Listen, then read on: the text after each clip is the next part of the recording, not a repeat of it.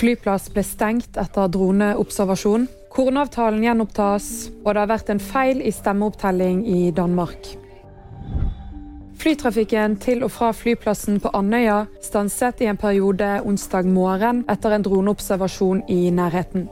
Klokken fem meldte Avinor til politiet om en droneobservasjon, og politiet sendte en patrulje. Oppdraget ble avsluttet klokken syv, uten funn av verken drone eller droneoperatør.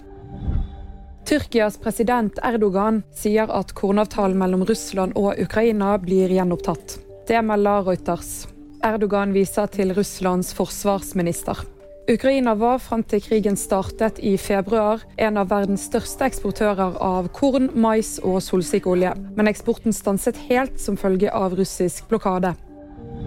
Det har vært en feil i opptellingen av stemmene i det danske valget. Det er snakk om under 1000 stemmer, og ifølge valgforsker Kasper Møller Hansen vil feilen ikke ha noen konsekvenser for valgets endelige utfall. Det sier han til Danmarks Radio. Den røde blokken med statsminister Mette Fredriksen i spissen vil dermed forbli sittende på nok mandater til å vinne valget. Det jobbes nå med å telle stemmene på nytt. Og VG-nyheter fikk du av Hanne Sofie Andresen.